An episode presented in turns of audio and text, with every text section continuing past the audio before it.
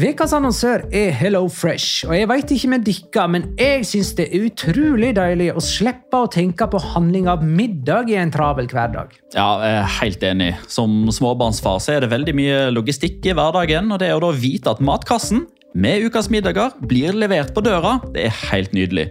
Da slipper du impulskjøp på butikken når blodsukkeret er lavt, og når du kommer hjem, kan du bare ta ut posen med dagens ingredienser fra kjøleskapet og sette i gang matlaginga.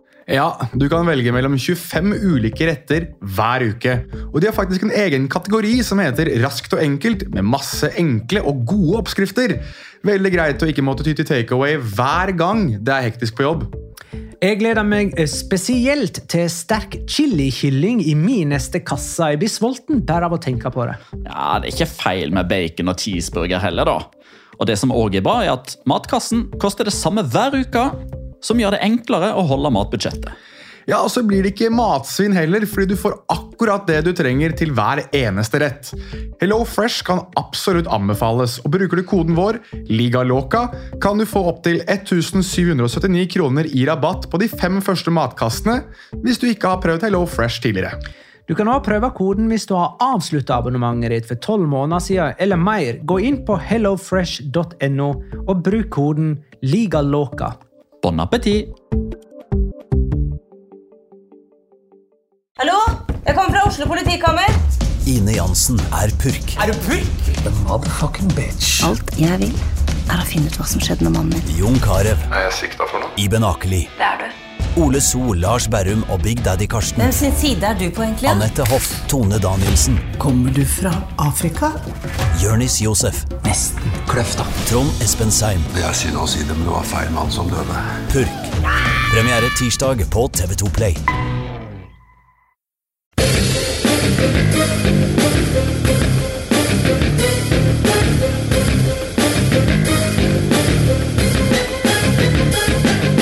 Har du sett? Barcelona har to føtter i Champions League-finalen, og Liverpool må hente inspirasjon fra Romas 3-0-seier i fjor.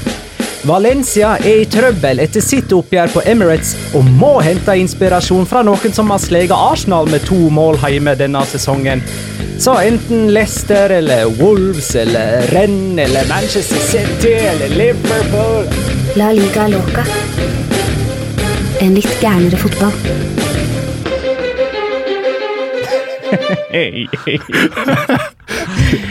Ja, den var morsom, syns jeg, da. Ja, jeg synes den var festlig. Ja. Eh, Dette er La Liga Låka episode 75 av det ordinære slaget med meg, Magnar Kvalvik, hei. Og Jonas Giæver, hei. Hei. Og Petter Wæland, hei. Hallo, moroklumpen. Er det noe vi skal dele med hverandre siden sist? Eh, vært hos legen. Det er kanskje det mest spennende i mitt liv. Legen, legen. Jeg har så jækla vondt i ei tå. Nei, Det var mer at jeg ikke fikk puste ut av uh, neseboret mitt. Uh, Har du polypper?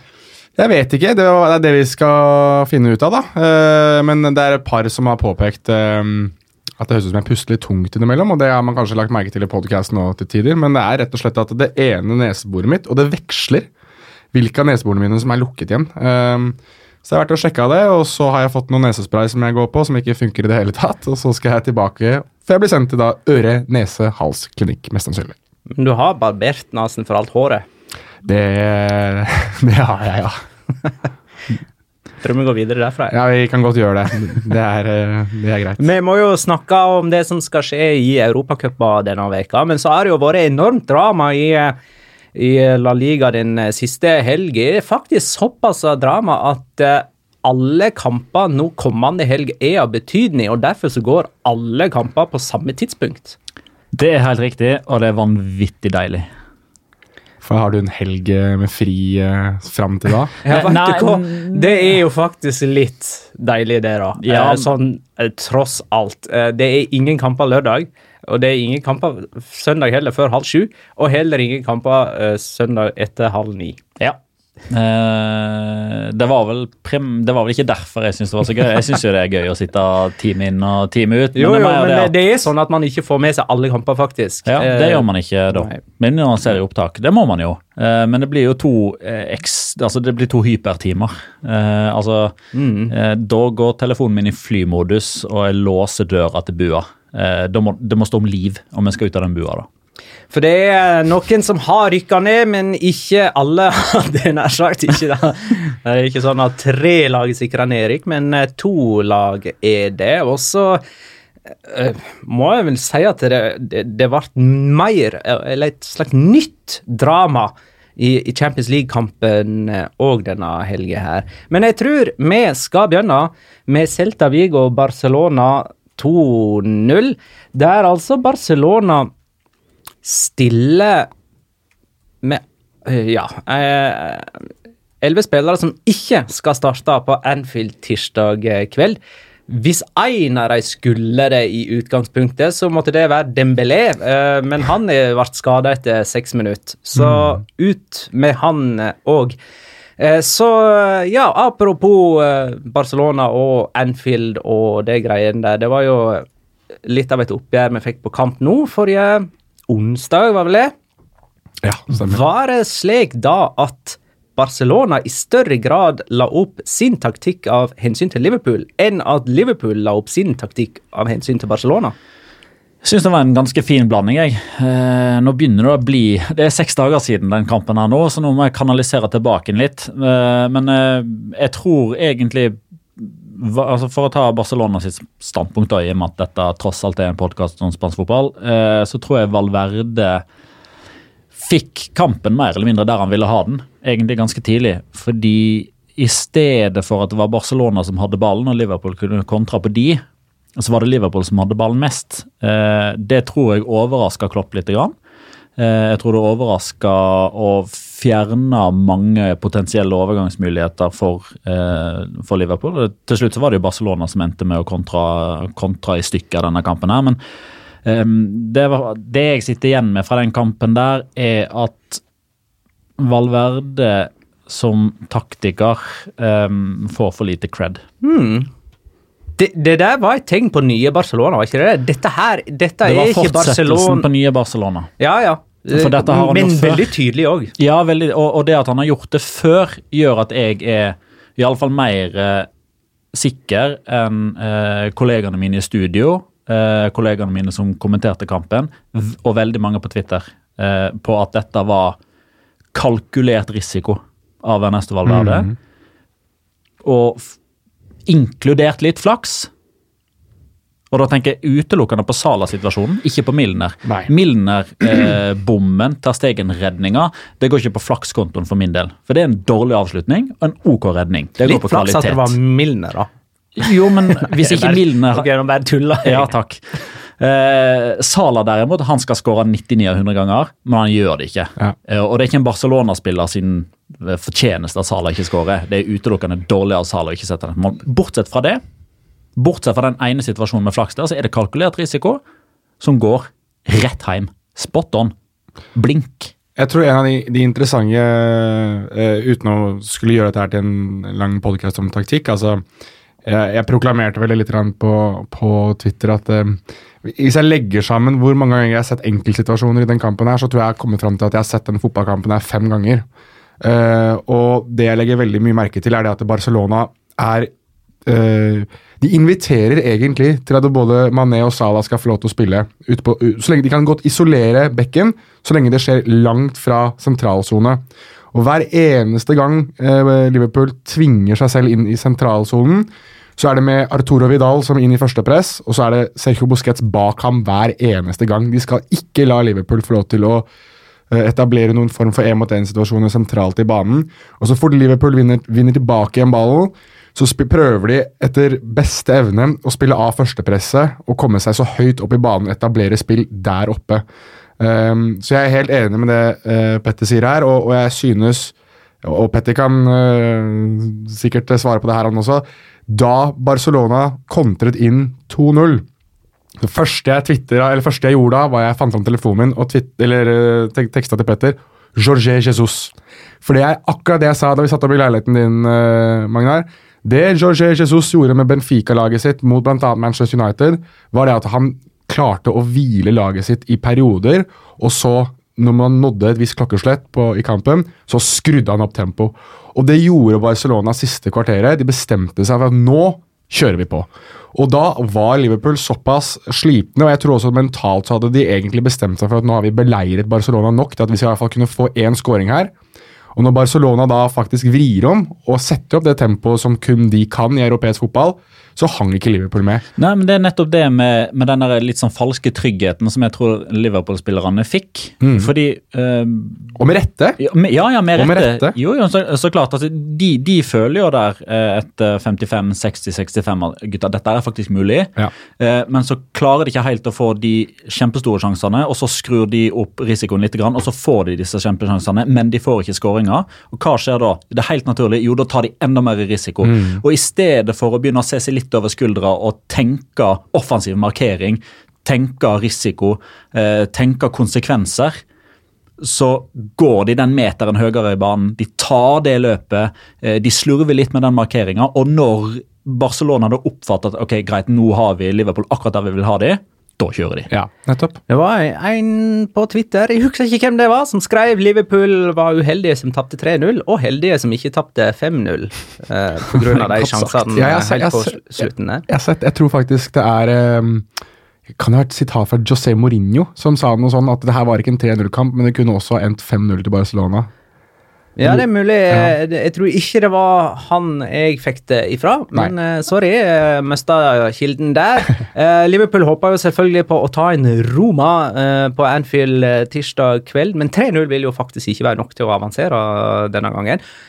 Og så skulle man vel tro kanskje at Barcelona har lært. De virka eh, Altså, jeg syns eh, hele laget og Valverde virka modnere enn Ja. for et eh, år siden. Um, men det sier litt om både Barcelona og Liverpool, tenker jeg, at man ikke helt har avskrevet Liverpool likevel totalt. Eller sånn. I alle fall før det ble klart at både Sala og Firmino er ute. og det ja, Det ødelegger dette her, da, eh, spør du meg. Altså, Som jeg sa i forrige podkast, jeg ville at dette her skulle være to lag i sin beste form. Det skulle være deres to beste elvere, og vi skulle liksom få det beste fra to kanonlag. Ja. Eh, og så er jeg redd vi ikke får det nå, da. Det blir Origi og Sturridge, kanskje. Eller, Shaqiri, Kanskje ja. Shakiri. Eh, ja Nei, men eh, Liverpool får all ære av meg for at de angrep Barcelona. Det håpte jeg de skulle gjøre, men ble straffa likevel. Både for at de ikke var effektive, eh, og fordi at Barcelona er ganske gode defensivt. Det er et godt forsvar Barcelona har. Piquet og Longley, det er et skikkelig stopperpar, liksom. Det er det. Kanskje litt underkommunisert rundt omkring, jeg vet ikke. Ja, har vi nådd øh, har, altså, Jeg vet at det er et spørsmål vi har fått, så jeg kan jo, jeg husker hvem som har øh, stilt det. Eh, Bare tar det, du. Eh, Om Piquet har nådd peaken sin nå, som 32-åring. Martin spør det. Ja, og jeg synes det var et veldig veldig godt spørsmål. Og jeg vil eh, Jeg vil gå så langt som å si at jeg, jeg har ikke sett ham bedre enn det han har vært den siste sesongen nå. Jeg Men jeg har- har jo vært inne på det tidligere at det der med å si opp, eller slutte på landslaget kanskje har gjort Ja. han veldig, veldig godt, Ja. da. Ja, vi skal jo selvfølgelig Når sesongen er over, så gjetter jeg vel på at vi skal sette opp et uh, årets lag, sesongens lag. Og Det da, da har jeg han eh, Det var første Jeg har begynt å kokkelere litt med det på, på Er kokkeleden med? Nei, han er ikke med. Men det hadde vært gøy hvis han var det. Uh, men jeg har Gerard Piquet som første valget mitt på altså, Av alle som skal med, så er det han, foruten Messi, da, åpenbart, så er det han som er nummer én. Ja.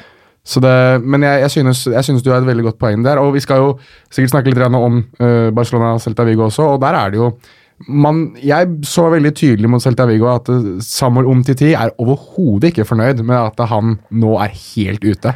Han likte ikke å spille sammen med de eh, åtte-ni av de han spilte Nei, sammen med. det å være en reservelagsspiller, som han, som han jo er når han blir satt opp på et sånt lag, det, det ser man ganske tydelig. Men man skal ikke glemme hvor god han er og var. Nei, det Eh, finnes bevares. Så eh, Nei, overhodet ikke. han, man må ikke avskrive han likevel, da. Um, Michael Cox sa i Totally Football Show at det virker som Messi går utapå all taktikk. Det er som om Valverde kan sette opp en taktisk plan for ti spillere, mens Klopp må sette opp en taktisk plan for elleve spillere, mens Messi han eh, kjører sitt eh, eget løp og går nesten utapå alt. Eh, Robin eh, Kålå spør jeg. Hvor, hen, eh, nei, hvor stor kommer Messi sin statue på kamp nå til å bli? Uh, kommer han til å bli satt opp før eller etter at han legger opp? Blir det kanskje ti stykker, slik som Bartomeo foreslår? Sjøl vil jeg foreslå en plassering à la den Tottenham-fuglen har fått på deres nye stadion. Jeg var toppen der, ja. Stå på taket uh, på ei sånn glassplate, så du Ja. kan se Den er ganske kul, den der. Men er ikke det faktisk snakk om ti statuer på eh, Ja, det var vel at han, han, Var sa vel at, han sa vel at han fortjente det, ja. Uh, og det er jo uh, for så vidt helt riktig. Uh, men nei, altså At Lionel Messi kommer til å få statuer og bli opphøyd som den største spilleren i Barcelonas historie, det, det burde det ikke herske noen form for tvil over. Og, og på spørsmålet om du må sette opp en Og om det er en uh, Kall det en taktisk eh, vinning, da, at du, du på en måte har en spiller som kan være såpass egenmotiverende og gjøre såpass mye på egen hånd, det, det kommer litt an på hva du gjør ut av det, tror jeg. Eh, hvis du spør eh, Jorge Sampaoli, så tror jeg ikke han så veldig, var så veldig fornøyd med det eh, under VM f.eks. med Argentina. At han, han er en mer metodisk mann som vil ha ting gående i, i sitt, eh, sitt spor, mens jeg tror Ernesto Valverde, slik vi har snakket om her, er en eh, mer pragmatisk trener både med tanke på sin egen filosofi og med tanke på det spillesettet han har. Um, og da, Derfor tror jeg at sånne trenere, og det har vi sett ved flere anledninger også, at tilpasningsdyktige trenere, eh, Alejandro Sabella også, som hadde, hadde Messi under 2014-VM, eh, får mye mer ut av ham. fordi at eh, du trenger ikke alltid å micromanage det Messi skal gjøre. Og det i, altså i, dag, I dagens fotball så det er ingen trener som lar noe være til tilfeldighetene. Jeg anbefaler alle å se José Mourinho sin masterclass. Fra, han har gått gjennom veldig detaljert, eh, lagt ut nå denne helga her, hvordan Inter slo Barcelona i første semifinale i Champions League 2009-2010. Og han forklarer helt ned til minste detalj hvordan de skulle stoppe Messi, med hvordan Pandev og Eto'o og sånn skulle ned, trekke ned og det som var. Men når du er en trener som, som Valverde, som er såpass fleksibel, så kan Messi egentlig gjøre litt som han vil, for systemet funker uansett. Um, Bendik Diesen spør um, um, Hva med Erik Ten Hag? Kan det være mannen som overtar Barcelona når Valverde takker for seg? Vel, nå skal vi i alle fall gjøre et år, for at Valverde skal nå sitte lenger. Eh, og så får vi jo se hvordan det går med Ten Hag eh, de neste årene. Men spennende tanke. Spørs hvor Ten Hag er, da, først og fremst. Ja, han ryktes jo til eh, både PSG og Bayern München. Altså, så. alle Ajax-relaterte folk uh, ryktes til noe større i disse dager. Jeg hører at Qatar skal kjøpe det vaskefirmaet Ajax. og Nei, den var god, syns jeg, eh, Jonas. Den var god. Takk for den. Barcelonas B-lag har til gode å skåre denne sesongen mot eh, nedrykkskandidater. De klarte det heller altså ikke mot Celta Vigo. Det var en stor dag for Celta Vigo, da, som feira veldig følelseslada. De feirer altfor mye. Men det er klart, nå, nå er de jo klar over at de har Rayo Vallecano på hjemmebane i siste serierunde. Således så har de jo sånn egentlig 43 poeng allerede. Men jeg syns det var litt tidlig, altså. Det var, De gikk jo De gikk jo seiersrunde Ja, og satt og tok og- bilder med fansen og selfier, og det var noen kids Bare og noen sånn fruer der. Og... eh, bare i tilfelle folk ikke er klar over det, så eh, Altså, Celta slo jo eh, Barcelona, klart det, men de er bare tre poeng over nedrykksstreken med seks poeng igjen å spille om. Det er, en, det er en viss del av meg, altså den mest, mest fandenivoldske delen av meg, som nå håper at Celta rykker ned etter det der. For det, altså, Nei, jeg håper i hvert fall at de er nødt til å skjelve litt i buksene, Ja. og at Aspas skårer den avgjørende etter 94-50 på Balaido siste en- kamp. Da kan de begynne å ta seiersrunder og hive draktene og sånn. ja, jeg sier at det er en del av det fandenivoldske i meg. Altså, jeg håper jeg, altså, Selvfølgelig håper jeg jo at Celta Vigo blir værende oppe, jeg også, men, men du sitter sånn Da jeg satt og så det, jeg så kampen i dag, jeg fikk ikke sett det live, og uh, jeg, jeg satt og tenkte altså, Kom igjen, da. Altså, det, er to, det er seks poeng igjen. Altså, Maxi Gomez var i hvert fall lur nok å si på, på, um, i, i intervjusonen etter kampen at eh, er, vi har to finaler igjen. Det er seks poeng. Vi kan ikke ta noe på forskudd. Og så fem minutter etterpå så har han vel tatt alt på forskudd. Han og Aspas og, og Kai og Lobotka og resten av gutta. Um, skal vi se, eh, siden årtusenskiftet er Balaidos arenaen der Barcelona har flest tap, sammen med Santiago Bernabeu og Anueta. nemlig seks. Fem på rad uten å klare å vinne. Mm, altså, det der er en tung arena for dem, uansett hvilket lag de stiller med, faktisk.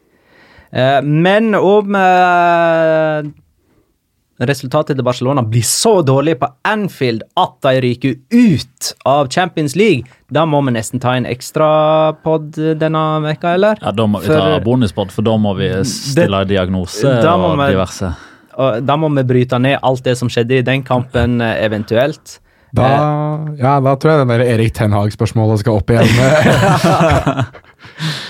Ja, men da eh, leter vi det ligge der. Skal, skal vi bare for moro skyld ta en, en sånn kamptips? Eller skal vi klare å, å sy sammen to grunner til at Liverpool Eller gi, gi Liverpool to tips for å slå ut Barcelona? Klarer vi det? Ja, tips 1 skårer fire mål, ikke slipper inn. Ja, sant, du er sånn. Inyaki Penya står i mål.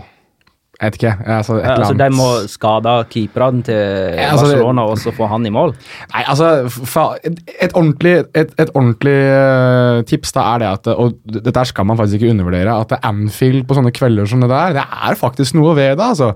Det, er, eh, det virker innimellom som spillere å, å få mer energi av å ha såpass uh, gira supportere. at Jeg sier ikke at det kommer til å gjøre vei i vellinga, men jeg tipper at Liverpool-spillerne kommer til å være minst så motiverte som de hadde vært uh, hvis de hadde vært 0-0 på, på kamp nå. Så selvfølgelig uh, Det er én. og så Hvis Liverpool får en tidlig scoring, så kan det være Barcelona begynner å, å stresse litt. Jeg tror ikke eh, Jeg trodde at de, de i hvert fall kom til å ha Firmino klar, men uten ham så Altså, jeg, jeg synes, jeg synes Gini Wijnaldum var ikke god i den Nei, nei, vi, vi, vi har alle sett Barcelona tape med fire i Paris. Vi har alle sett eh, Barcelona tape med tre i Torino. Vi har sett de tape med tre i, i Roma. Eh, jeg hadde vært med på å snakke om eventualiteter eh, med tremålstap på Anfield hvis Salah og Firmino spilte, Ja, men ikke uten de. Jeg syns Klopp sier det fint sjøl. De må skåre fire mål på det som kanskje er verdens beste fotballag, uten to av verdens beste spisser.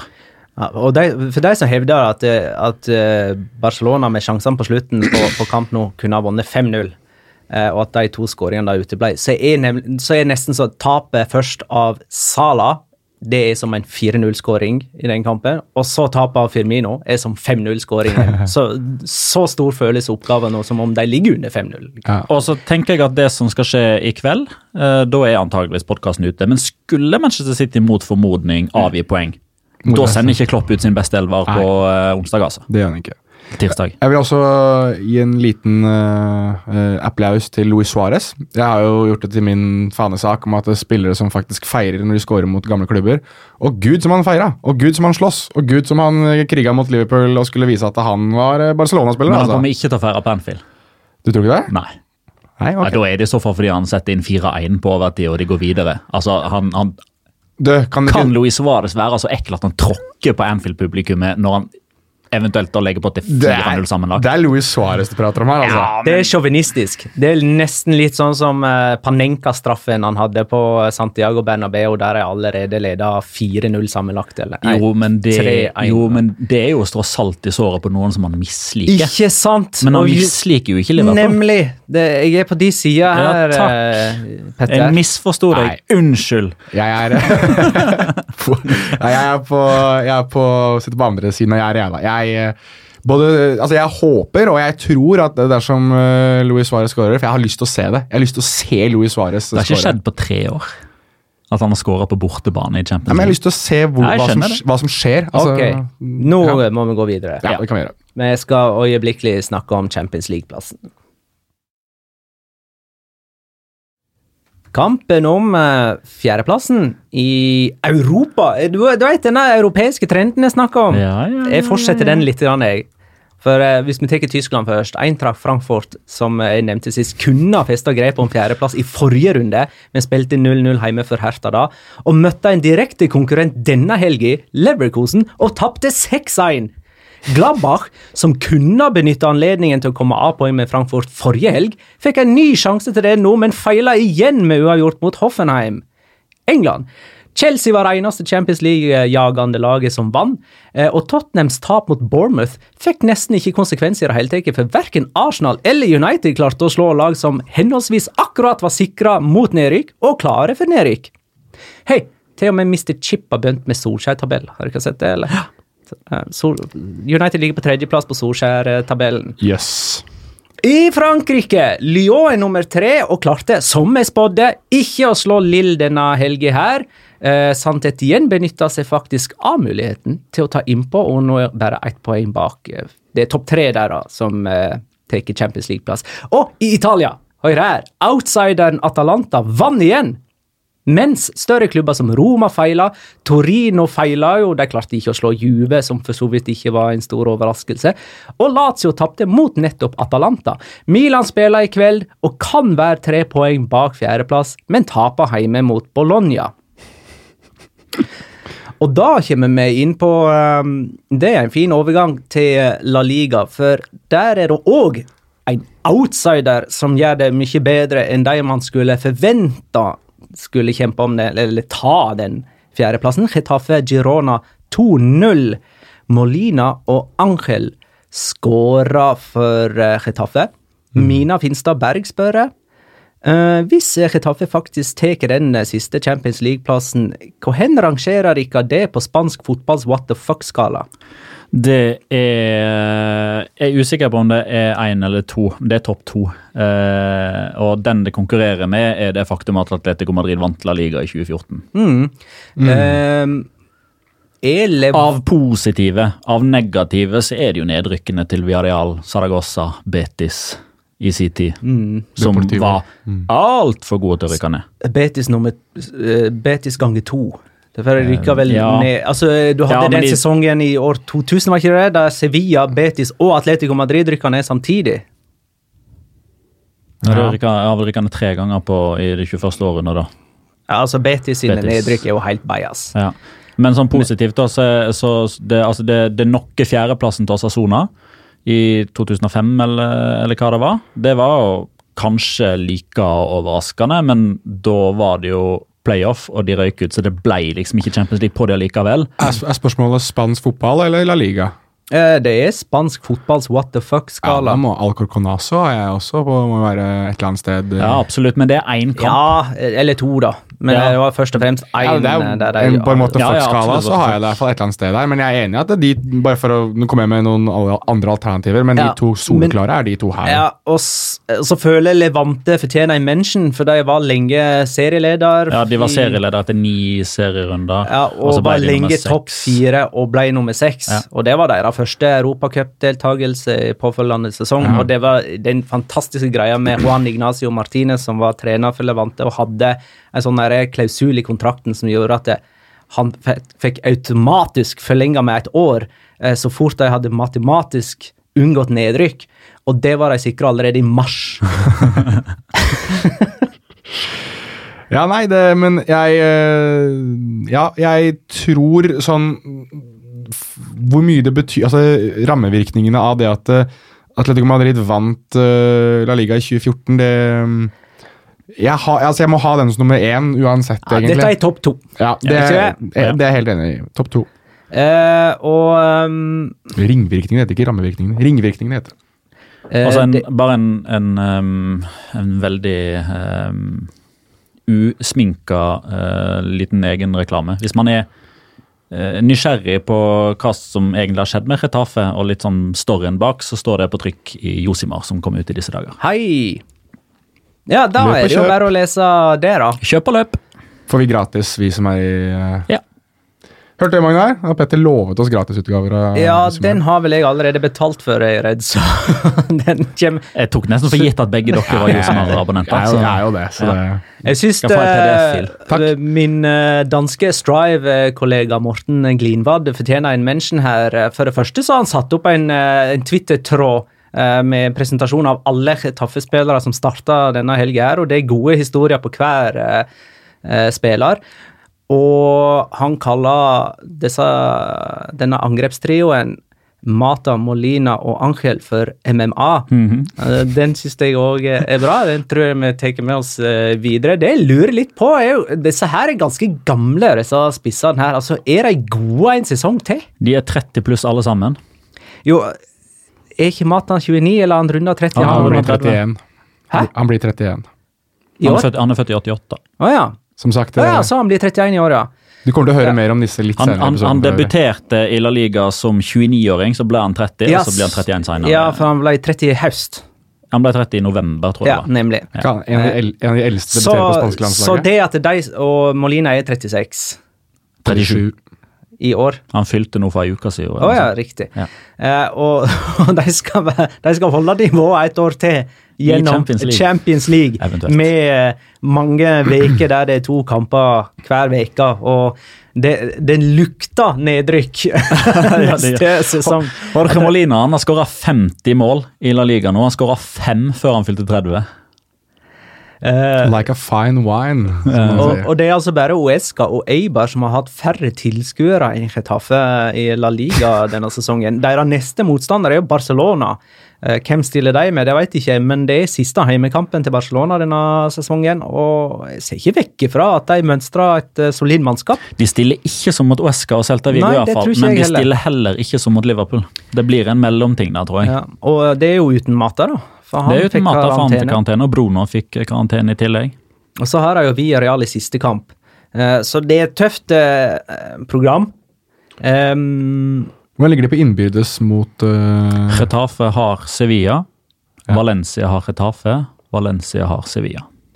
Oi, Altså, det, det- er, det er såpass dramatisk, altså. Så alle har alle på Nei, hele Nei, det- Valencia det- har både Retafe og Sevilla. Oh, ja, ok. ja, og Ok. Så hvis alle tre ender likt, så er fortsatt Valencia øverst. Ja, nettopp, og Sevilla nederst. Og Ja. Sevilla har ikke Retafe innbyrdes heller, så for Sevilla sin del, som ligger tre poeng bak, så er det i praksis fire.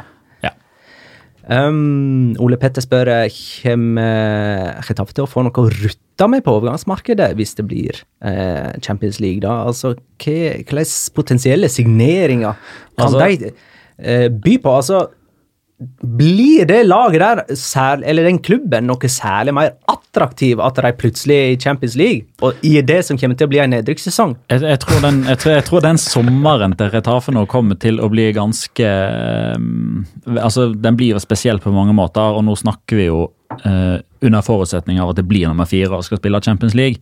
For jeg tror, eh, hvis de har litt is i magen, så tror jeg at et stykke ut i august når bildet begynner å bli klarere for spillere og klubber og sportsdirektører, så tror jeg det kan være mulig for Retafe å få noen veldig gode leieavtaler.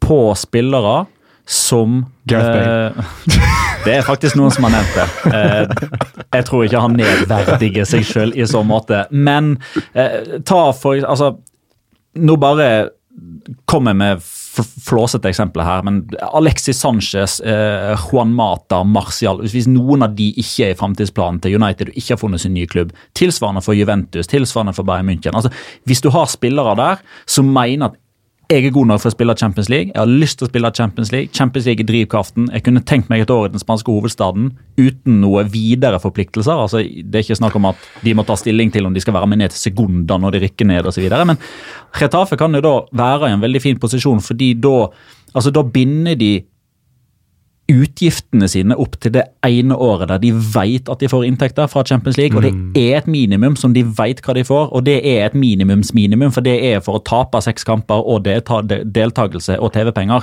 Det kan man lett regne seg fram til hva, hva blir, og alt over det er bonus. Eh, Så det er spennende. Retafe har 58 poeng og ligger altså på den eh, fjerdeplassen. Og så er det verdt å påpeke Nå, skal vi, nå er det flere som har nevnt, da, men, men Kadena Koppen meldte denne uka her at Betis har ringt uh, Pepe Bordalas for å høre om han er tilgjengelig for å ta over der. Nå var jo Hvem var det som ringte, sa du? Betis. Betis. Betis. Nå har jo Julian Lopetegi også vært på Iporoa denne helga og sett uh, Betis spille, så det er tydelig at de to kanskje er de to heteste kandidatene dersom eller når. Det spørs litt hvordan man ser på det. Uh, Kikki Setien er ferdig i, Betis, men uh, det, det hadde vært veldig trist, synes jeg, da, hvis de skal inn i Champions League uten han som tar de dit, altså Bordalas.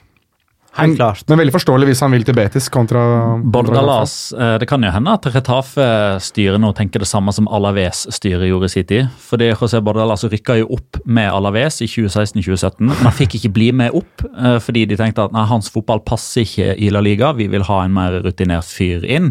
Kan jo Retafe tenke det samme at ja, men ja, Bordalas tok oss til Champions League, men han har ikke det som skal til for å spille den fotballen i Europa, så kanskje de bare lar han gå? Hvem Det var spøk. Ja, uh, men hvem kunne det jeg, jeg tenkte jeg skulle hente et navn. Da, da henter jeg Sam Alarise eller noe. da. ja. uh, Lauren Blad. Gram Sunes. Lauren Blad, faktisk. Eh, ah ja, Sevilla var jo en gang i tiden nevnt eh, i hans eh, Ja, God Segway. eh, I forbindelse med Blad. eh, whatever. Sevilla ligger tre poeng bak uh, Ketafe, det at de tapte nemlig denne helga med 3-0 hjemme mot eh, Leganes. Det trenerbyttet til Sevilla er en udiskutabel suksess denne sesongen. Sevilla Åh, ja, nå, nå kjenner jeg frustrasjonen vokse. Altså, Sevilla sikra seg faktisk europaligaplass denne helga og feira det med en sånn der, uh, glorified video på eh, Twitter. We have done it! Utropstegn. Addicted to Europe. Oi. Fordi at de eh, har kvalifisert seg til Europa for 15. gang på de siste 16 sesongene. Men hei! Klubben sparka jo Machin i frykt for at det ikke skulle bli Champions League, og de er ikke noe nærmere Jeg tipper der den videoen der ble lagd for lenge siden, og så bare Gutta, Ja, vi bruke den, Ja, vi må bruke den, liksom. Noen har lagt ned tid på dette her. Ja. Nei, altså For meg ble det med litt sånn dårlig smak eh, i heften. Da jeg så den, men sånn er det nå. Um, Da blir det jo Europaliga, sannsynligvis. Eh, Og da har de jo muligheten til å faktisk eh, vinne en europacup neste sesong, da.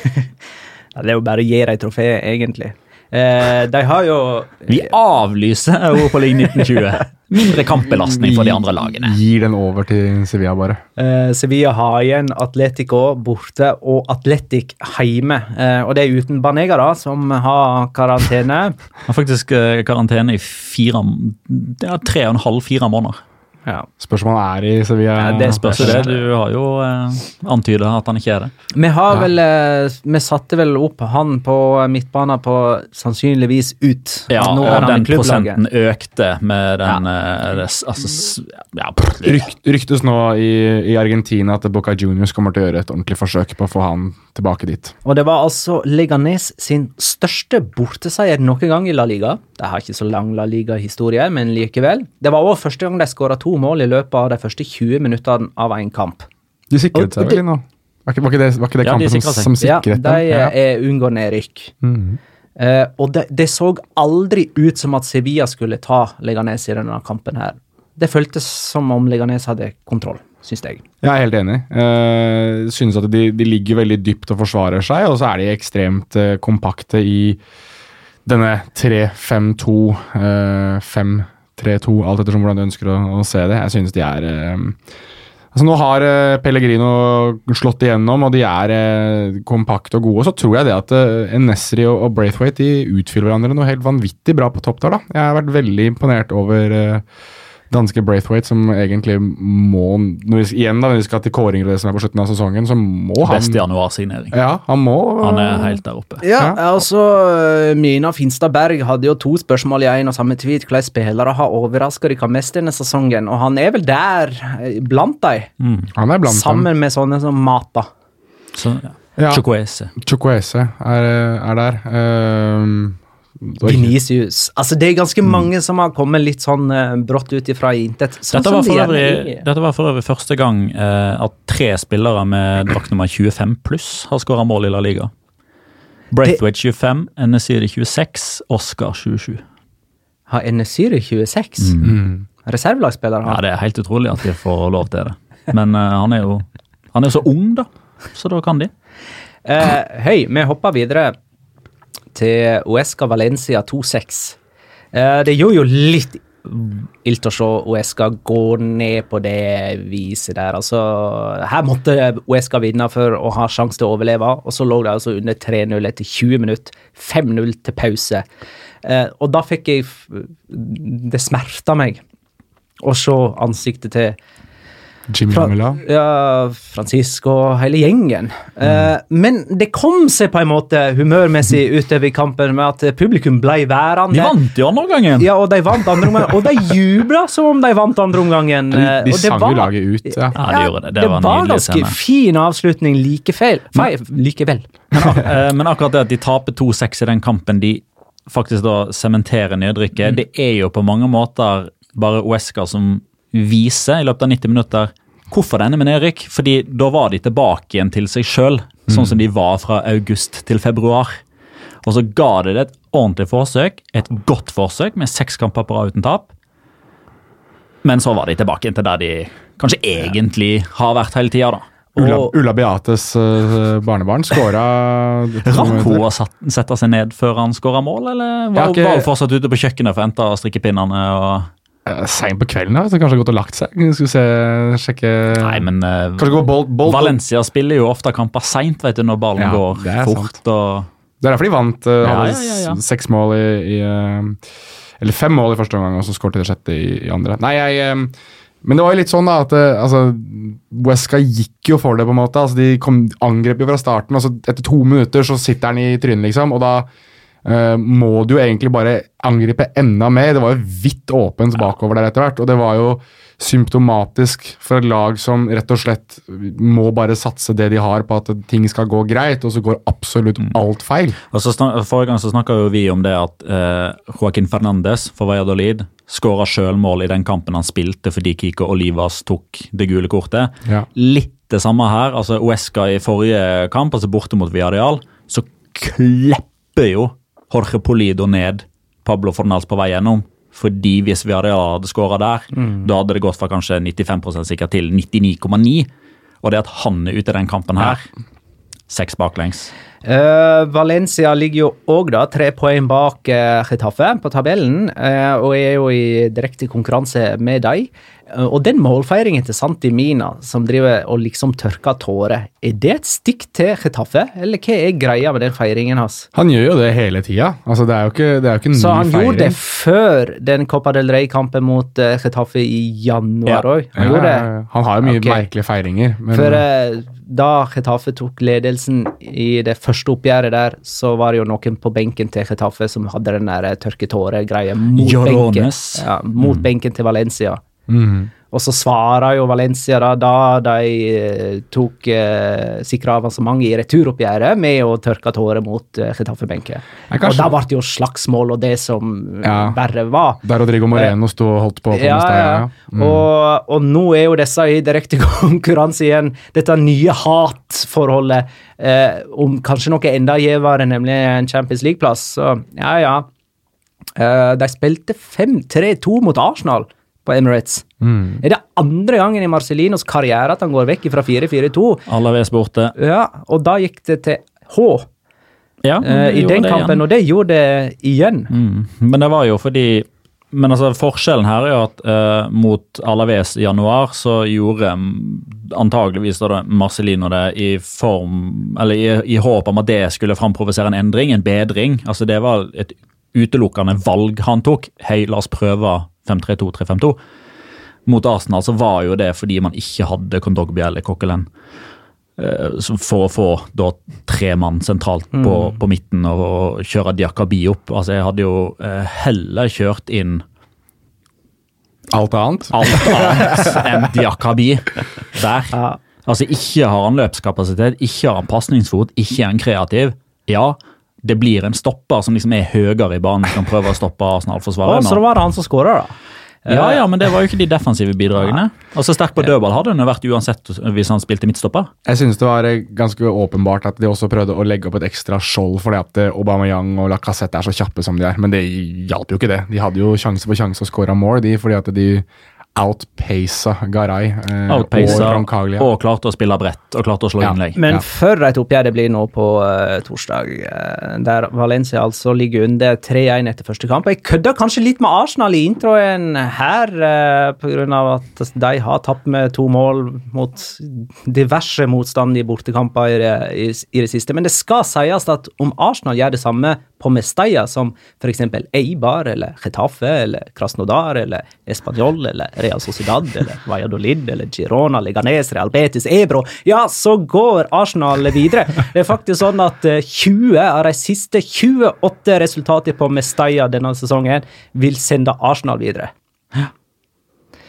Ja, ja, det er jo ikke noe tvil om hvem som er favoritter i, i forkant av det oppgjøret der. Og så blir det jo eh, litt sånn som vi snakka om eh, i stad, med tanke på Liverpool sin mulige lagoppstilling mot Barcelona, så var det jo òg litt sånn usikkerhet rundt eh, Arsenal, Emery og hans disponeringer, med tanke på at det på jeg det tidspunktet eh, så sannsynlig ut at de kunne kjempe om fjerdeplassen. Nå er jo det òg igjen en mikroskopisk sjanse. Så de Valencia-supporterne som satt og håpte litt på at Arsenal kanskje turte å spare en mann eller to eller tre, det er jo ingen grunn til å gjøre det lenger. Øyvind spør jeg tror ikke Santimina får spille mot Arsenal, Arsenal, ettersom de trenger flere mål, og han skåra to hvis han først skåra. Det er fryktelig godt poeng, altså. Ja, det er det. De må ha to, så skårer Santimina ett, så må han jo skåre et til. Kanskje det er en, en ny sånn bortemålsvariant, som teller dobbelt. Altså, Santimina er liksom bare en, sånn, en spiller når han skårer, så ja, telle dobbelt. Litt sånn løkkeregler Kanskje- på kun på Santimina. Kanskje det kan være et nytt sånn, altså om, eh, om 40 år eller noe sånt, når vi begynner å gå litt lei reglene i, i fotball, og vi trenger en sånn ny regelendring og litt sånn eh, enda mer taktikkeri og litt sånn. Før kamp så bare leverer du inn på en lapp til dommeren. Hvis han her scorer, så teller det dobbelt. Ikke, Motstanderen får ikke vite. Var ikke det sånn keep, ja, det var sånn keepergreie da jeg var liten, at hvis du spilte på Løkka og keeper skårte, så telte det to. Varofaksen spør spør hvorfor skulle dere kåre GDs til runden spiller for et par runder siden? Siden da, altså. prikk, prikk, prikk. Det var meg, det. Det var deg, det. The Så hvordan kunne du gjøre noe sånt, eh, Jonas? Nei, det Fotballspillere er jo mennesker, det må du vite. Ja, jeg har fått, uh, fått smerte kjenne på det. Hei, Marlon Mati. Eh, Dennis Suárez kan potensielt eh, vinne to europacuper i løpet av én sesong. For han har jo kamper for eh, Barcelona i Champions League. Ah, ja, stemmer. Statist, statistikk på noen andre som har gjort det før? Nei, Jeg svarer ikke. Petter. Jeg svarer òg nei, jeg har ikke statistikk på det. Jeg veit ikke. Jeg vil jo tro at uh, Uefa.com har en eller annen sånn type snack pack. Nei, det var, for- Dennis Waters can become the second Ja, et eller annet sånt. det var eh, altså, jeg, eneste jeg kan, er vel spillere som har vunnet ligaen og rykket ned, eller altså blitt lånt Ja, men ut det er ikke ikke det med- nei, det er, det, nei, jeg vet, det er det eneste jeg kan komme på, men som har vunnet to Det er litt sånn som han eh, Bojan uh, Djordjic. Du, når du, bare, du svarer det du vil svare. Du svarer ikke på Ja, altså. spørsmålet. Finner på sine Men egne spørsmål. eh, Bojan Djordjic er en flink fyr, han. Ja, altså, det- så- Skal jeg uh, lese tweeten til Anil Murti, Valencia-presidenten? Eh, ja, det må du gjerne gjøre. There is no place in football for racism or violence. Those little twats are not Valencia fans. We'll get rid of them for the good of football. Dette eh, kom jo i kjølvann av en litt forstyrrende video fra borteseksjonen på Emirates. Jeg har forstått det sånn at eh, i alle fall én av de tullingene som eh, gestikulerte og ropte på sitt vis, har blitt identifisert og er utestengt. Flott. Få det vekk. Bra. Eh, Jeg vet ikke om det var, jeg tror det var flere òg. Jeg vet ikke om eh, hvordan ståa er der. Men gjør spansk, spansk media, eller hvem som gjør det, gjør igjen den jobben som jeg snakket om for et par eller siste episode, episoder før. Vi, vi snakka jo litt om det som skjedde på Vallecas mot Mm. eh, Marcelino. Det var ikke rasisme, men Nei, eh, Grov harselering, i hvert fall. grov harselering med dødsønske, eh, Ja. rett og slett. Eh, Og der ble det jo tatt grep. Og det er det Eh, her som- òg. Det er ja. flott at spansk fotball driver med selvjustis. Få det vekk. Trenger ikke å ha det. Ikke noen plass i samfunnet. Eh, Overhodet ikke. det, det, dette dreier ikke seg bare om fotball. Dette Nei. er et samfunnsissue, altså. Nedrykksstrid. Uesca og Rayo Vallecano er altså, uh, Rayo Vallecano er altså nede, noe som betyr at to av de tre nyopprykka lagene går rett ned igjen. Valladolid kan slå følge, men fikk en opptur med seier denne helga og er foreløpig på trygg grunn. Det er fem lag som fremdeles er i fare med bare tre poeng mellom seg i kamp for å unngå den siste nedrykksplassen. Girona er nummer 18, Valladolid er poenget over, og to poeng over der igjen ligger Celta Vigo, Villarreal og Levante samla på samme poengsum, nemlig 40. Paco Hemes har en herlig nedrykksstatistikk nå. Ser veldig bra ut. Kunne faktisk ikke gjort det verre. Nei, faktisk. Ja, Rykka ned med de siste fire lagene. Ja. I La Liga. I de siste fire sesongene. Ja. Ikke han- i Mexico. Nei, jeg skulle si han fikk, han fikk vel sparken i Mexico før han rakk å gjøre det, så Nei, jeg tror han valgte å reise hjem pga. familien. Ja, for han var veldig mislikt i Mexico. Det, okay. Han var eh, på, i hvert fall på kanten av meksikansk presse en del, um, som jeg synes var veldig gøy, for det kommer mye videoer som spansk presse fant og linket videre til, som der uh, Paco Hemes er jo en eh, karakter også på pressekonferanser. Han er veldig, han er ganske karismatisk å høre på. Og eh, spanjoler har en egen måte å være litt karismatiske på som tidvis av eh, latinamerikanere, slik jeg har opplevd og fått forklart, er, kan, kan virke litt arrogant. Kan virke litt sånn ovenfra og ned. Og den sjargongen er ikke nødvendigvis ment sånn, men den har tydeligvis blitt oppfattet litt sånn eh, noen ganger med Paco Hemes. Eh, er i hvert fall den forklaringen jeg har fått av de jeg har pratet med, som har vært litt rundt dette. Så han ble litt sånn public enemy number one litt tidlig, til tross for at han kanskje ikke gjorde så mye feil. Eh, Levante slo altså Rayo Vallecano 4-1. Det ble eh, spikeren i kista. Alberto Garcia redda sin tredje strake straffe eh, i La Liga, men til ingen nytte da for eh, Rayo. Både Uesca og Rayo skifta trener i løpet av sesongen for å unngå nedrykk. Det hjalp ikke. Og som vanlig, når vi er inne i nedrykksstridprat, så kommer Real Madrid og blander seg inn. Real Madrid via Real 3-2. Um, Men skåret to mål, da? Hæ? Nå skal vi si det? Eh, Andreas Svae skriver selvfølgelig putta Mariano 2 når rykten om Jovic brenner som mest. Ja, altså, Skal med Jovic, da, når du har eh, verdens herligste Mariano? Nei, jeg synes han er Altså, selvfølgelig. Han er ikke en verdensklassespiss, men jeg synes han er litt undervurdert. altså. Han er eh, Og det er litt det som Barcelona nei, Barcelona sier Real Madrid kanskje har manglet litt innimellom. En spiss som faktisk er inne i boksen, og som ikke alltid skal lage rom eh, for alle andre.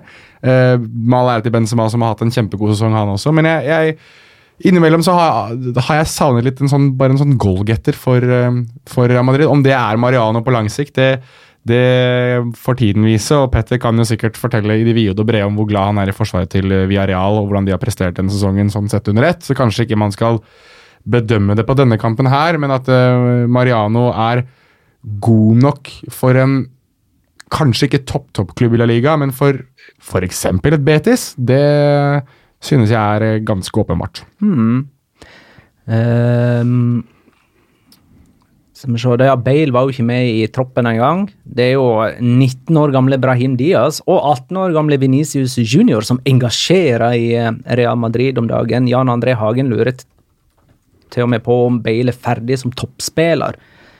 Eh, nå virker det jo som Real Madrid har lyst til å bare kaste han ut. Eh, Ja, de har gitt beskjed om det i hvert. Kaste klubba etter han, liksom. Ja da. Eh, Marka har jo vært ganske tett på dette her nå. De, de var ganske tidlig ute og sa at eh, sånn rent sportslig sett så er det no way back. Eh, avgjørelsen er tatt, men den var ikke kommunisert.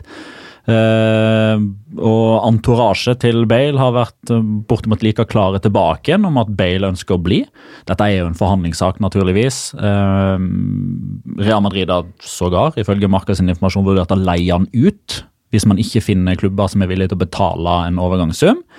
De er også villige til å fortsette å betale en del av lønnen hans, eh, rett og slett for at han ikke skal være der. Og I dag så kom jo det informasjon om at eh, Zidane har begynt medarbeidersamtalene sine, én-til-én-møter, og Bale har gitt beskjed om at han er ikke i planene til Zinedine Zidane. Bale har fått beskjed om det. Bale har fått beskjed om det face to face i dag. Han, Marcos Jurente og Daniel Ceballos har alle fått beskjed om det. Ceballos er ferdig, ass. Ja, det er han. det, det er heller tilbake Dessverre. til Betis eller noe der, da. Eh, ellers eh, Det var jo en fin tegning eh, som gikk viralt på Twitter av eh, Iker Casillas som redda et skudd fra et eh, hjerte. Ja, jeg så det. Det var ganske kul. Han, eh, han er jo utskrevet fra sykehus nå etter hjerteinfarkten 1. mai, eller var det dagen før? Det var 1. mai det ble offisielt, i alle fall. Det, det var eh, onsdag formiddag i forrige uke. Ja, det var 1. mai, det. Ja, jeg satt på jobb, da. Det var jeg som Ja, Jeg var på Ja, da- vei inn til da kom nyheten. og Jeg holdt på å trodde- kjøre av veien. Var det etter trening den samme dagen, da? Tidligere samme Ja, dag? Ja, det var Underveis. underveis i treninga Underveis i treningen. ble dårlig. Riktig. Ja. Så det, Det der er creepy, altså. En så uh, ung, veltrent fyr får eh, hjertetrøbbel. Eller sett, hjerteinfarkt, da. vi har sett det før med vår egen Ståle Ja, Solbakken, like, eksempel. det er Um, like skummelt hver gang. Jeg skjønner ikke hvordan Karl. Erik Torp, ja. Grusomt. Så veldig bra at eh, jeg ser at ikke Casillas har blitt litt mer aktiv på sosiale medier nå. siste par dagene, At det har kommet mer bilder av ham som eh, på en måte er ute og gjør ting og smiler og ser ut som han har det bra, og at lykkeønskningene har eh, flommet inn fra både kjente og ikke like kjente fotballspillere og fotballpersonligheter, og egentlig folk generelt. og Nei, altså, Iker Casillas vi, vi startet jo vår podcast åpenbart etter at han var ferdig i, i spansk fotball, i hvert fall for denne gang. Men jeg tror hvis vi skal begynne å sette oss ned og finne ut hvilke spillere er de største personlighetene, de største figurene i spansk fotballs historie, så er han topp tre, topp fem for meg. Både flest kamper i Champions League og flest smultringer. Flest landskamp for Spania har han nå. Eh, den evige kaptein er Ja. jo eh, det han blir omtalt som hos uh, Real Madrid-fansen.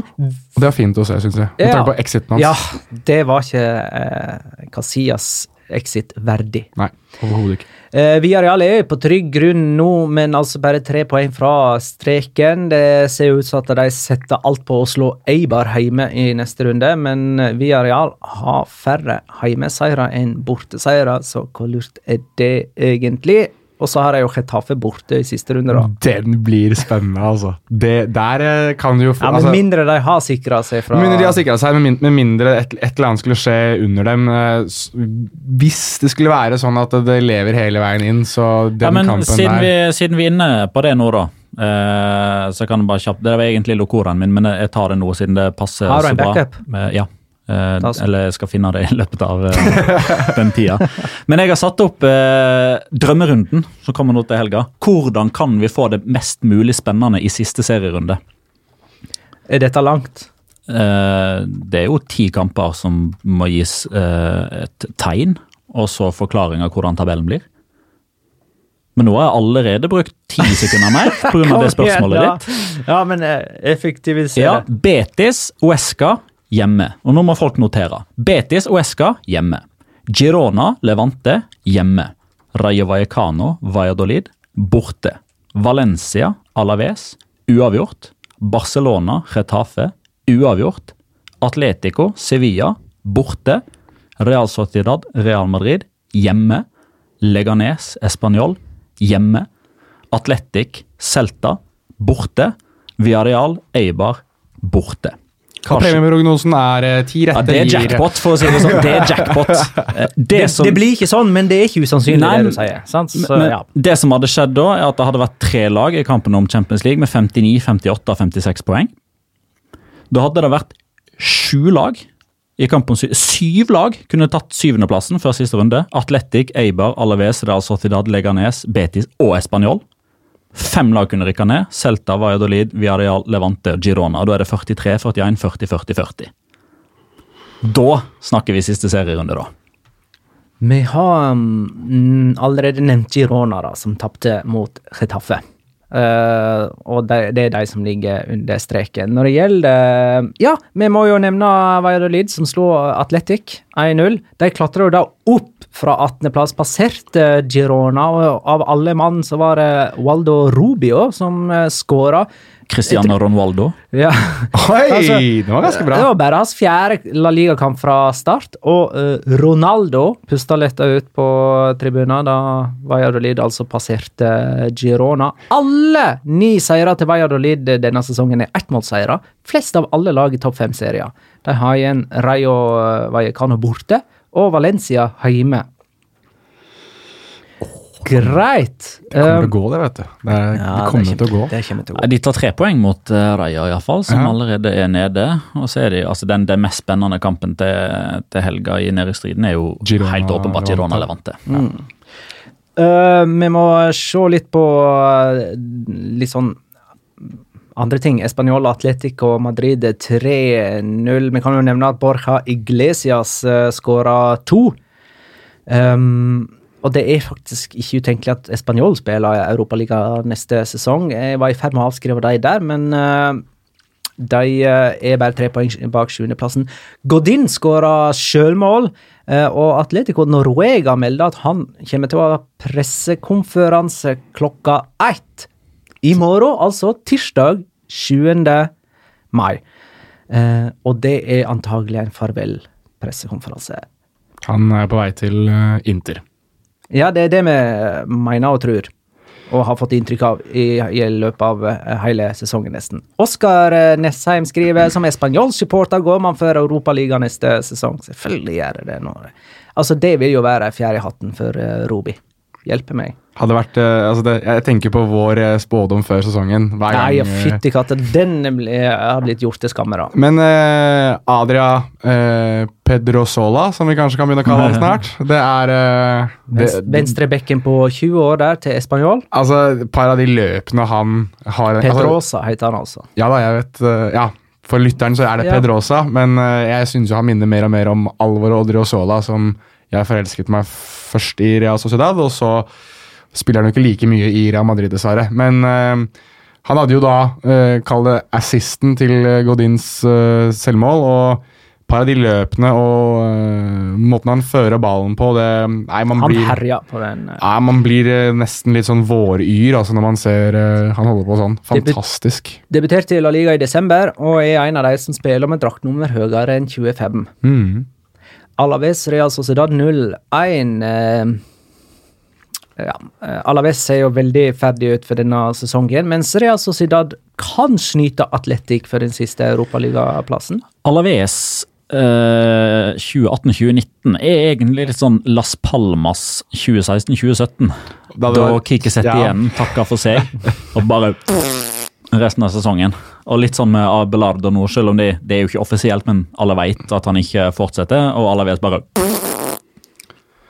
Ja, Du er flink til å lage sånne prompelyder. Takk, og god trening for to små barn som syns det er kjempemoro.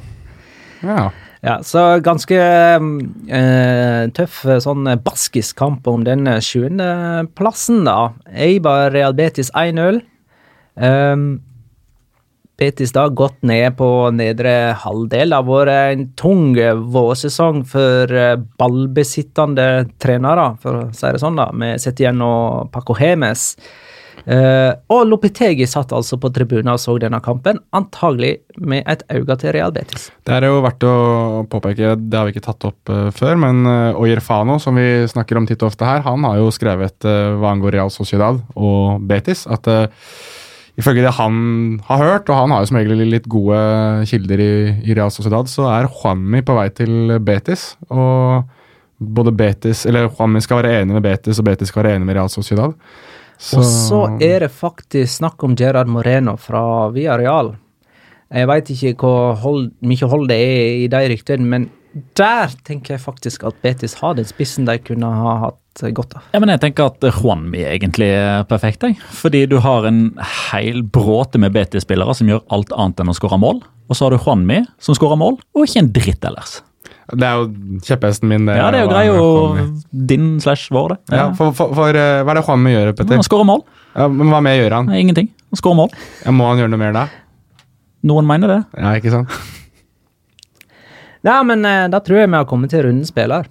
Ja. Det skal egentlig være Petter, men uh, vi har knota til den uh, syklusen der uh, ganske bra. Så pga. en misforståelse så blir eh, Jonas, som har forstått det at han òg evner å sende forbannelser over spillerne han kårer. Så lykke til. Ja, jeg har valgt å gå en litt utradisjonell vei her, fordi det er mer en hyllest til, til to spillere. Det har jeg hatt før, men til to spillere som kanskje har ikke hatt den beste runden nå, men som fortjener å nevnes mer enn det de kanskje har blitt gjort i akkurat denne kategorien her.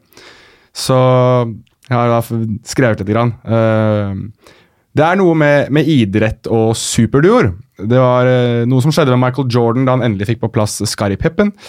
Vi hadde heller ikke snakket om Patriots i NFL de siste årene hvis ikke det hadde vært for Brady og Gronkowski. Hva med Malkin og Crosby NHL? Og hadde det egentlig vært noen Iniesta uten Chavi, eller en Chavi uten Iniesta?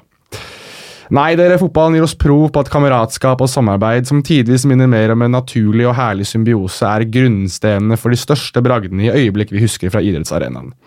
For det er én ting vi kommer til å huske fra 2018-2019-sesongen i La Liga, og det er en duo som kanskje ikke var helt som de andre jeg har nevnt her. Ingen av dem var supertalenter som manglet noe for å få ut sitt fulle potensial. Ingen av dem er egentlig den alderen man hadde tenkt ja, nå smeller det. Ingen av dem har egentlig noen forutsetning for å gjøre det så bra som de gjør det akkurat nå. Den ene er 37 år gammel. Han er eh, året yngre enn Zlatan Ibrahimovic. Han har aldri spilt for noen av de beste klubbene i Spania, og kanskje aldri vært regnet som en av de beste i sin posisjon i ligaen heller. Den andre han fyller 31 til høsten. Dette er hans første sesong i La Liga. Nei, du, du hørte riktig. Han har aldri spilt i La Liga før denne sesongen her.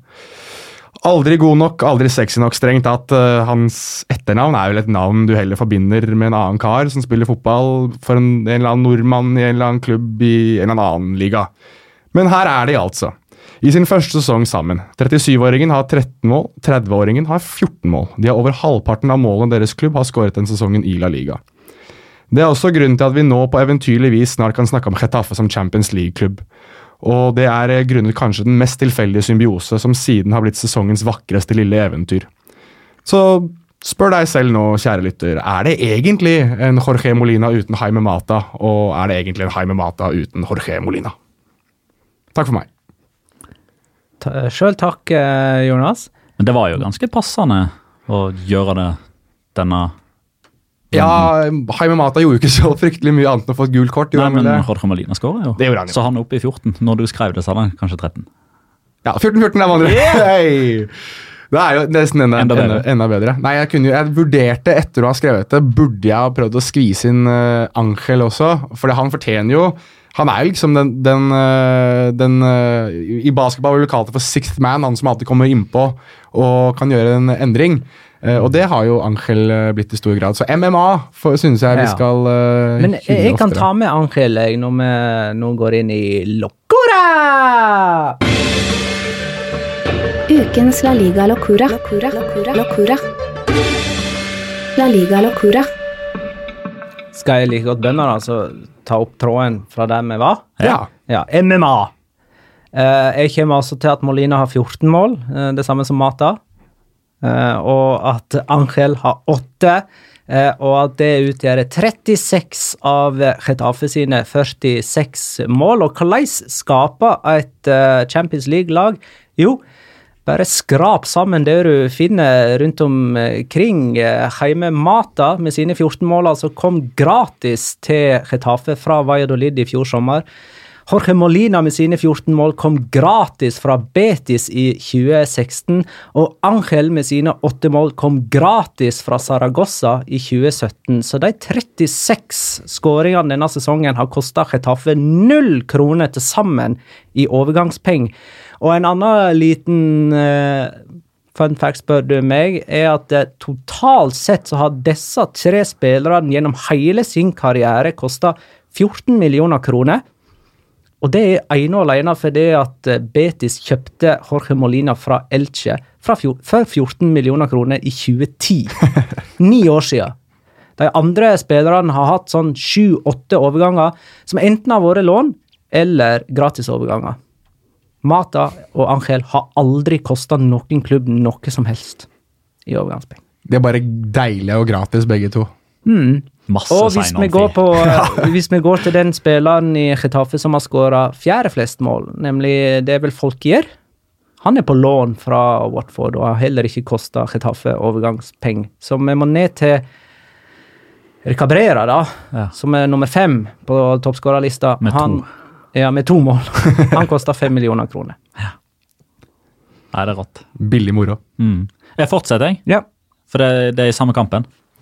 Eh, for det var jo eh, Marka hadde dobbeltside, trippelside. Det var eh, masse oppmerksomhet selv i Norge og i England og i overalt da Diego Costa ble sendt av banen med direkte rødt kort for å bruke eh, munnen. Eh, og veldig mange mente liksom at nei, dette her var jo håpløst, og dette må dommere tåle.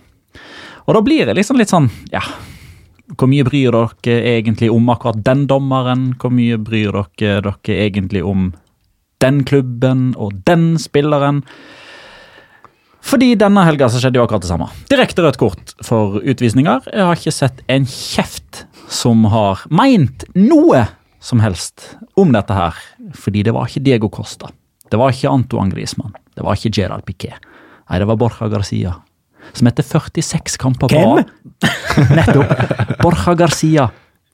Som hadde spilt 46 kamper på rad uten å få gult! For direkte rødt for å si til dommer eh, Hernandez Hernandez. Mm, det var det det var. Vete a la mierda. Gå i dritten. Gå i dritten. Gå i dritten. Gå i garderoben, sa Hernandez Hernandez. Og dette var da altså eh, på stillinga 1-0. Girona jakta eh, utligning og uhyre eh, viktig poeng. Nei da. Rett i dusjen, og får heller ikke spille mot Levante i en kamp som kanskje ender med Girona-nedrykk.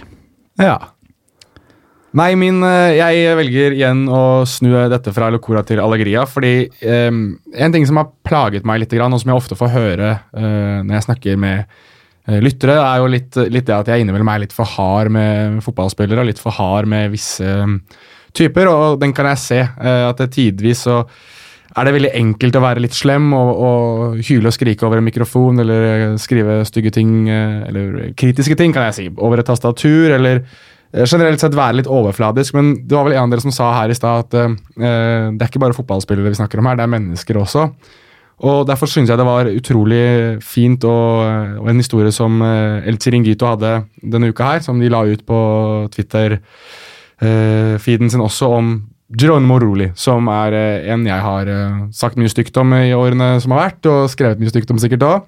Men eh, det var en historie om eh, en gutt som het Daniel, som hadde møtt opp på um, treningsfeltet til eh, Real Sociedad for fem år siden. eh, første sesongen til Geronimo Roli.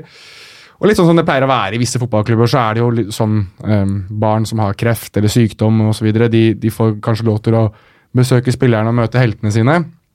Og denne gutten her hadde jo da, hadde jo da eh, lymfekreft, eller kreft i lymfesystemet sitt. og eh, Geronimo Roli hadde bare med en gang forelsket seg litt da, og, og bestemt seg for at han skal passe litt på.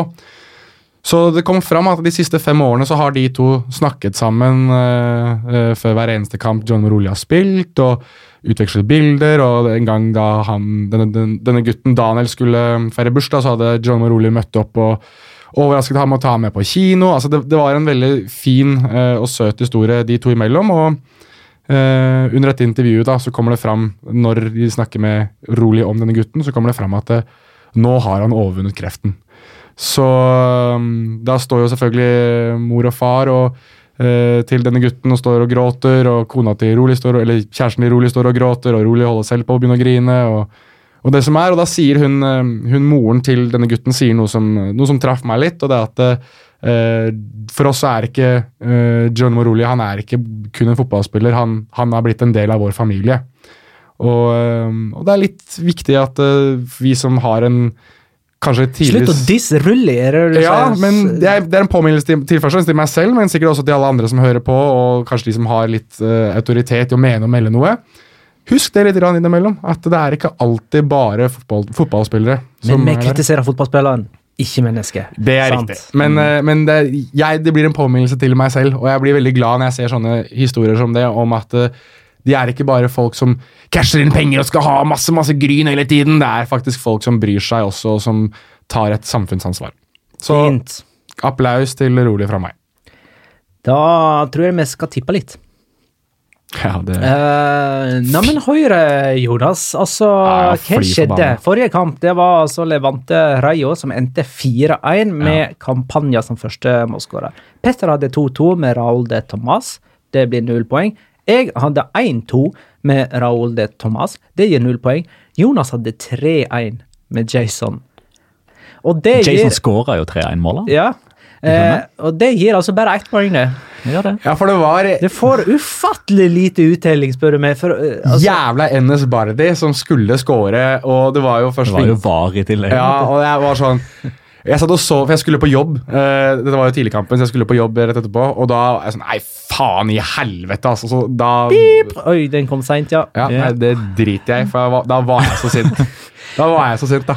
Eh, Petter har da 25 poeng, jeg har 24, Jonas har 16. Og hva er neste kamp? Er ikke Barcelona Getafe litt kul kamp å ta? Um, Vanskelig, iallfall. Ja, er ikke den man, man ikke veit hvem som spiller for Barcelona. Mhm.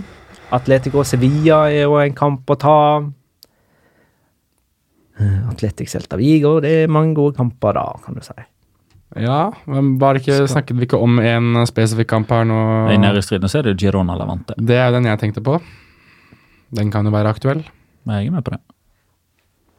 Ja, jeg syns ikke den er så catchy, da. Selv om jeg ser eh, at det er tre poeng mellom dem, og det er ren nedrykkskamp og sånt. Tror du noen har hørt i 1 time og 12 minutter og slår av nå, hvis vi bestemmer oss for Girona Levante? Ja, hvis vi velger den framfor Barcelona Getafe, så. Ja, Da blir det bare sånn. Med, med, med all Vi det gjør alt for lytterne våre. Barcelona Retafe. med all det pratet om Men jeg Retafe, jeg jeg, men jeg vil som ha vi nesten har tatt for gitt nå, tar fjerdeplassen. Men jeg vil ha det loggført at Girona vinner 2-0 og Stuani skårer først. Ja, ok, det skal jeg prøve å loggføre. Nå Ja, la- later Magnar som han loggfører driter i det. Petter. Eh, Barcelona Retafe eh, 3-1.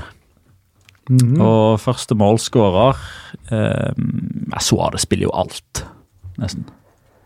Så det blir han. Ja, jeg sier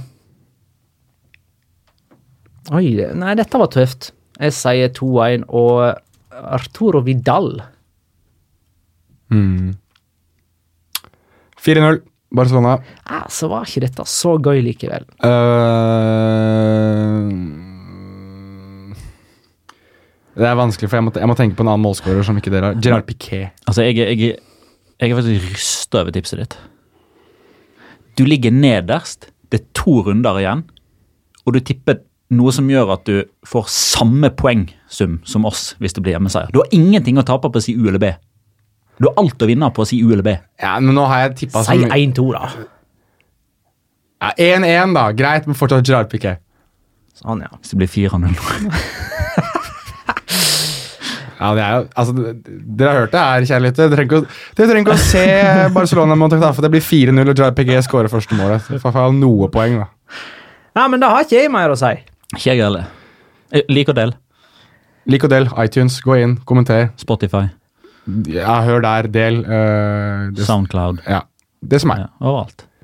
Ja, vi er på alle pl plattformer. Ja, det er og følg oss godt sagt, eh, gutta. Følg oss på Facebook, Ja. følg oss på Twitter. At La Liga Loca Pod. Tusen takk for alle innspill og spørsmål og inntrykk det deler med oss. Takk for at du liker oss og kommenterer oss med hyggelige ord på iTunes. Tusen takk for at du lytta, kjære lytter. Ha det bra.